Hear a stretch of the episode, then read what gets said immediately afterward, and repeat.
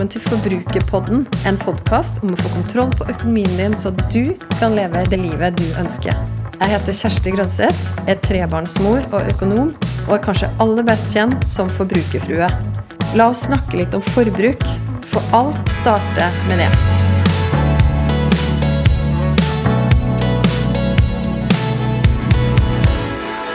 For noen uker siden så ble jeg invitert til en Clubhouse-samtale med tema finansiell helse. Hva er det, og hvordan oppnår vi det egentlig? Finansiell helse er ikke et begrep jeg har brukt veldig mye. Det er jo en direkte oversettelse av det engelske begrepet 'financial health', som nok er mye mer brukt. Men jeg må si jeg liker begrepet også på norsk, og den samtalen som vi hadde den kvelden, var utrolig spennende, fordi vi kom inn på mange ulike aspekt ved det. Og da fikk jeg lyst til å lage også en egen episode som du nå skal få lov til å høre på. For det første, hvis du googler 'financial health' og oversetter det, finner du noe sånt som at det brukes for å beskrive hvordan det står til med noen sin økonomi. Så mye å ta tempen på økonomien, egentlig.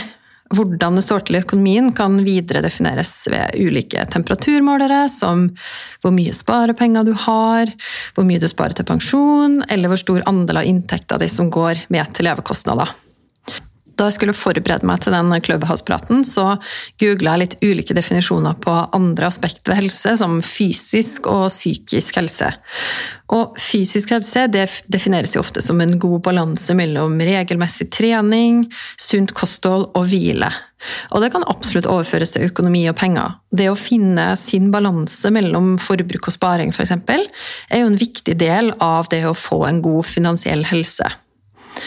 På samme måte som med fysisk helse så finnes det noen måleparametere som gjør at det lyser rødt, og som forteller oss at det her er per definisjon innafor normalen, eller det her heller mer over mot noe mer risikofylt.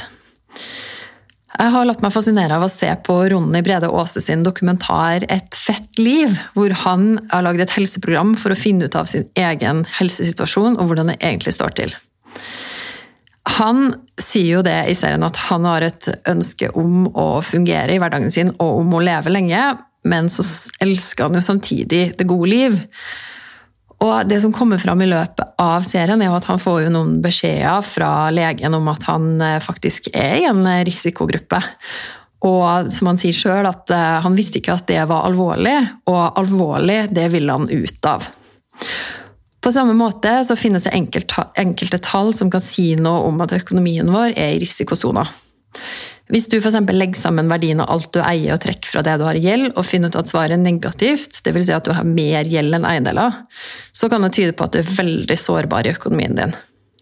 Det kan ha skjedd hvis du har tatt opp mye gjeld, enten for å kjøpe noe som har falt veldig raskt i verdi, f.eks. en bil, eller du har finansiert reiser eller oppussing med forbrukslån som du ikke nødvendigvis ser igjen i verdien av eiendelene dine. Og hvis det er det, så er første steg å komme deg ut av risikosona, akkurat som Ronny satte seg et mål om, og finne ut akkurat hvilke konsekvenser det får for deg i hverdagen. Så fokus da bør være på være 100% på å få betalt ned på gjelda. Og hvis det er sånn at du konstant går i minus hver eneste måned fordi du bruker mer penger enn det du har, så mener jeg det kan være et tegn til deg sjøl på at du bør stoppe opp og ta noen valg i økonomien din. Samtidig så er det jo ingen som kan fortelle deg at du må velge sånn eller sånn med dine penger. For det er jo nettopp det det er. Det er dine penger.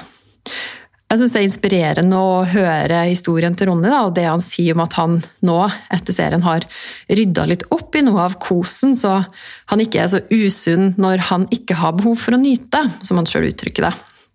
Og så sier han i et eh, intervju som jeg leste med han i Dagsavisen, så trakk han fram den praten han hadde med ernæringsfysiologen som noe deilig.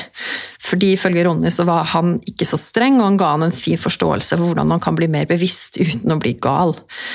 Og så sier Ronny i det samme intervjuet at på et personlig plan så er det viktigste han har lært at han må gi kroppen sin en vårrengjøring. At han ikke skal drive med slanking nødvendigvis, men heller vri livsstilen til å være mer bærekraftig ved å gjøre små grep på lang sikt. Og det her tenker jeg er utrolig overførbart til økonomi. At hvis du er i en situasjon der du at det enten lyser rødt, og du har noen tydelige ting som du må gjøre noe med for å komme litt mer på overskuddssida, på plussida i din økonomi, det er én ting, men alt annet handler jo egentlig bare om å finne ditt nivå på sparing og forbruk som gjør at du får det livet som du ønsker. Og så kan det hende at du i likhet med Ronny da må gjøre noen små grep også over tid, sånn at du får en mer bærekraftig økonomi. Verdens helseorganisasjon har en definisjon av psykisk helse som jeg falt fullstendig for i all googlinga mi. De definerer psykisk helse som en tilstand av velvære der individet kan realisere sine muligheter, kan håndtere normale stresssituasjoner i livet, kan arbeide på en fruktbar og produktiv måte og har mulighet til å bidra overfor andre og i samfunnet. Og her ser jeg mange linker til kakemodellen, som jeg snakker mye og ofte om. Og her er vi kanskje inne på kjernen av hva det vil si å ha en sunn finansiell helse. Ja, se for deg en tilstand av velvære der du kan realisere dine muligheter, dine drømmer, din definisjon av ditt luksusliv. Et liv der det ikke koster deg mer eller mindre å leve enn du kjenner at føles behagelig i hverdagen. Du kan håndtere uforutsette utgifter som dukker opp. Du kan arbeide og skape verdi som gir deg muligheten til å tjene penger. Og du har muligheten til å gi til andre av det du tjener. God finansiell helse er å vite at du får penger inn på konto, at utgiftene dine er forutsigbare, at du bruker mindre enn du får, og at du bruker forskjell mellom inntekter og utgifter på å investere i det som betyr mest for deg, og at du har god avkastning på de pengene du investerer. God finansiell helse lar deg gjøre ting som du ønsker, den gir deg overskudd, og du sover godt om natta. En god finansiell helse gjør at du takler hverdagslivet, men den er også det som legger grunnlaget for at du kan trene deg opp til større utfordringer, som f.eks. det å sette deg et stort sparemål og jobbe fram mot det og faktisk nå det. Litt som et maraton du bestemmer deg for å delta på trene intenst til, og som du gjennomfører. Og når du krysser målstreken, så vet du at det begynte med at du hadde et grunnlag og en motivasjon for å klare det, og at du satte deg et konkret mål. Så hva kan du gjøre da for å forbedre den finansielle helsa di? Jeg blir ikke lei av å si det her. Det handler alltid om å starte med å se på tallene dine. Regn ut den nettoverdien, som vil si eiendeler minus gjeld, og sett opp oversikten over hva du tjener og hva du bruker alle pengene dine på. Gjerne i den kakemodellen som jeg er så glad i å snakke om, som består av de fem kakestykkene leve, nyte, drømme, gi og sikre. Og når du skal finne ut hva du har brukt alle pengene dine på, og hva som faktisk er dine prioriteringer, ja, da handler det om å gå så langt som gjerne tolv måneder tilbake i nettbanken og se på kontoutskriftene dine. Og jeg har hatt mange på kurs som har gjort nettopp denne øvelsen, og som har fått store aha-opplevelser av å gjøre det. Ta f.eks. Preben og samboeren hans som fant ut gjennom å gjøre den øvelsen at de kunne kutte 10 000 kroner i månedlige levekostnader. Månedlige levekostnader. Bare ved å ta noen bevisste grep. Neste steg er jo nettopp det, å finne ut hvordan du kan kutte levekostnader uten å redusere livskvaliteten nødvendigvis, og hva du ønsker å bruke resten av pengene dine på. Og det er her du må se det opp mot dine egne mål. Det med levekostnader blir fort ekstra viktig også for, for, å kunne nå mål, fordi det for de aller fleste utgjør den største posten. Og fordi det for mange finnes kostnader der som det er fullt mulig å utfordre ved å ta noen konkrete grep og bli litt mer bevisst. La oss f.eks. si alle de som i løpet av de siste åra har gått inn og fått et aktivt forhold til boligrenta si. De som har boliglån, og sjekker renta, sammenligner alternativ, utfordrer banken og faktisk ender opp med å spare flere tusen kroner i året. Sett opp et budsjett som er realistisk for deg, som du kan holde, og som motiverer deg fordi du ser at du i tillegg til å leve også få satt av penger til sikkerhet for framtida, f.eks. buffer eller sparing til pensjon. Og fordi det lar deg sette av penger til å nyte livet, så du kan finne din hverdagsluksus og det du ønsker å bruke på f.eks. feiring og gi gaver til andre. Du kan spare til dine drømmer, store og små, og gi til andre dersom det er en verdi for deg.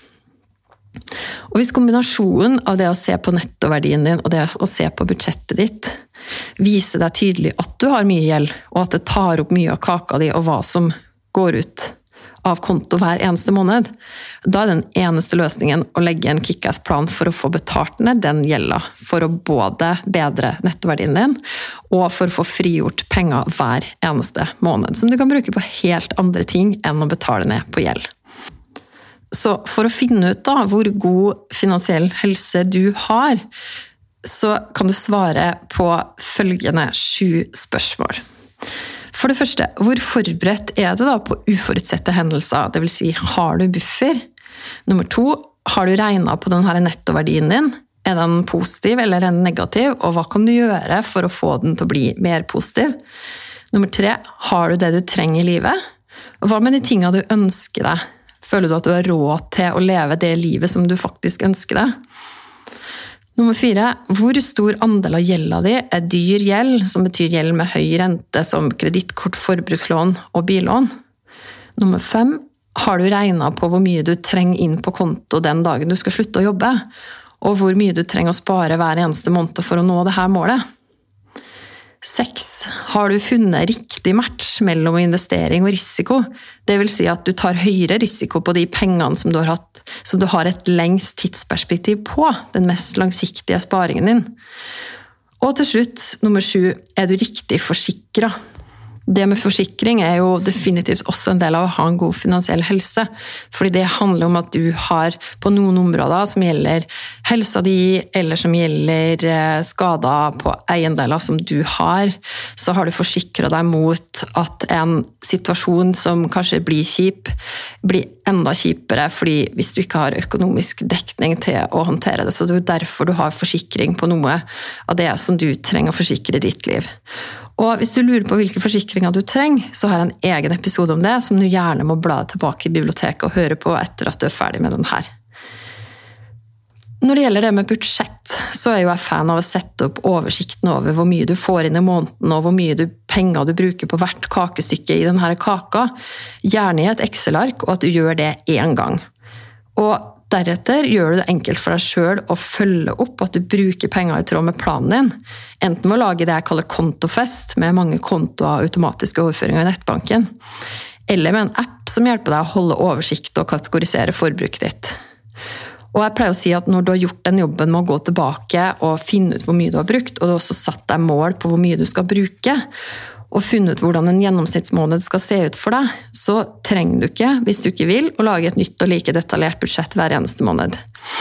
De gangene jeg oppdaterer mitt Excel-ark, f.eks., er når jeg har endring i inntekt eller endring i faste utgifter, eller når jeg ønsker å gjøre noe med prioriteringene mine. Hvis du ønsker å bygge en sunnere og sunnere finansiell helse over tid, er det flere ting du kan gjøre. For det første, hvis du får økt inntekt, bestem deg for hva du skal prioritere de ekstra pengene på. Og ikke bare øk litt på alt, sånn at du egentlig ikke sitter igjen med mer penger eller mer glede i hverdagen eller på lang sikt. Ta et bevisst valg, så du unngår det som kalles livsstilsinflasjon. Dvs. Si at vi øker livsstilen og forbruket vårt i takt med at inntekten øker. Jeg mener, Det kan godt hende at du har et bevisst forhold til noen ting du ønsker å bruke mer penger på når inntekten øker. Vi tok f.eks. et veldig bevisst valg om å få vaskehjelp i huset vårt da vi fikk en økning i inntekt, fordi det er noe som avlaster oss enormt i hverdagen. Poenget mitt er å oppmuntre deg til at de valgene er bevisste valg, så ikke alt forsvinner i et stort sluk, og at vi stadig tenker at vi skal unne oss litt og litt mer, men som ikke egentlig gir oss noe særlig mer glede eller økt livskvalitet. Et annet godt råd for å forbedre den finansielle helsa er å bygge buffer. Og ja, da snakker jeg både om superbufferen, som det kan være gode grunner til å ha så stor som tre måneders levekostnader, litt avhengig av hvor mye du eier og hvor mange du forsørger.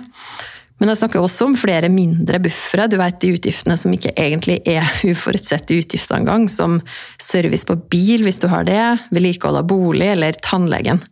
Det er et superenkelt grep å begynne å sette av en liten sum i måneden til en konto øremerka til et av disse formålene.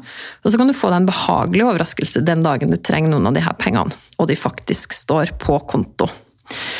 Så alt av regninger og alt av sparing bør settes opp på automatikk, sånn at du vet at du får betalt det du skal, og prioritert det som er viktig for deg. Og igjen, vil du kjøre hardcore, kan du lage kontofest, hvor du faktisk forteller alle pengene dine på automatikk hvor de skal gå hver eneste måned.